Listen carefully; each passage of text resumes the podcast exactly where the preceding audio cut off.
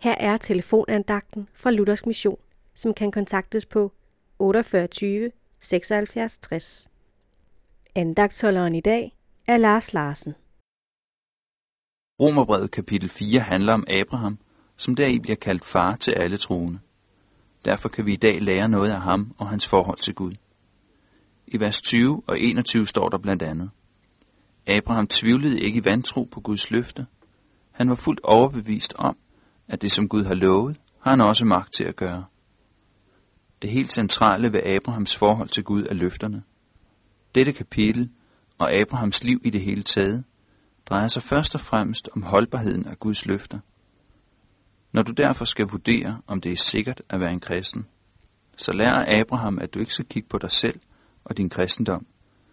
Nej, kig på Guds løfter. Det er nemlig dem, som skal garantere, at du kommer i himlen. Hvis Gud lover dig noget, så løber han ikke fra sit løfte. Aldrig. Derfor må du koncentrere dig om løfterne i Bibelen, som er til dig. Undersøg, hvilket grundlag de bygger på, og du vil garanteret opdage noget vidunderligt. Løfterne bygger ikke på det, som du gør for Gud eller andre mennesker. De bygger heller ikke på, hvad eller hvem du er. Nej, løfternes holdbarhed bygger på, hvem Gud er. Det er himlens og jordens skaber, der henvender sig til dig og forsikrer dig om sin betingelsesløse kærlighed. Hør igen vers 21. Abraham var fuldt overbevist om, at det som Gud har lovet, har han også magt til at gøre. Gentag ofte dette vers for dig selv, for det som Gud har lovet, har han også magt til at gøre, endda magt til at frelse selv dig. Amen.